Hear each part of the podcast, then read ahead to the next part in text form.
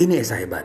Dan hey, kamu ada di Mi Podcast. Obrolan ringan, menarik, inspiratif, dan mudah-mudahan kita semua bisa diberi kesempatan untuk dapat melakukan kebaikan.